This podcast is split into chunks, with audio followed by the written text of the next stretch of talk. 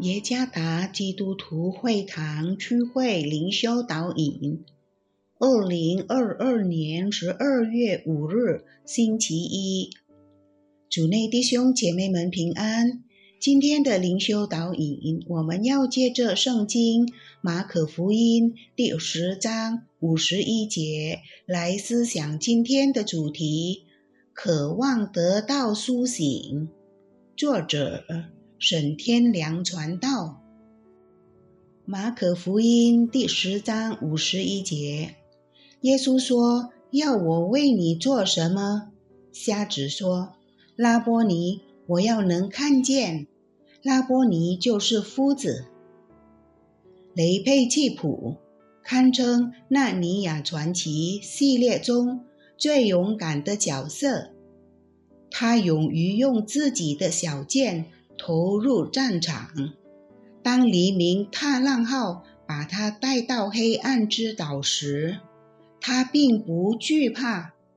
为了能进入阿斯兰之地，会见当地的国王，他经历了这一切，怀着深切的渴望。他说：“这是我内心的愿望。”雷佩契普很清楚自己想要的是什么。这个角色让我想起了马可福音第十章所记载的巴迪买这个人。巴迪买是一个坐在路旁讨饭的瞎子。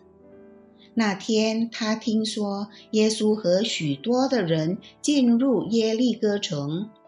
他立即喊着说：“大卫的子孙耶稣，可怜我吧！”有许多人想拦阻他，不许他作声，他却越发大声喊着说：“大卫的子孙啊，可怜我吧！”主耶稣听见巴迪买呼喊的声音，就走近他。当耶稣看见他时，问他说。你要我为你做什么？耶稣岂不是已经知道答案了吗？但他为什么要明知故问呢？因主耶稣要确认巴迪买是否真的渴望得到医治。有些人是故意不愿意得到苏醒。我们经常遇到心理不稳定的人。他们故意惹是生非，以发泄怒气为一种变态的享受。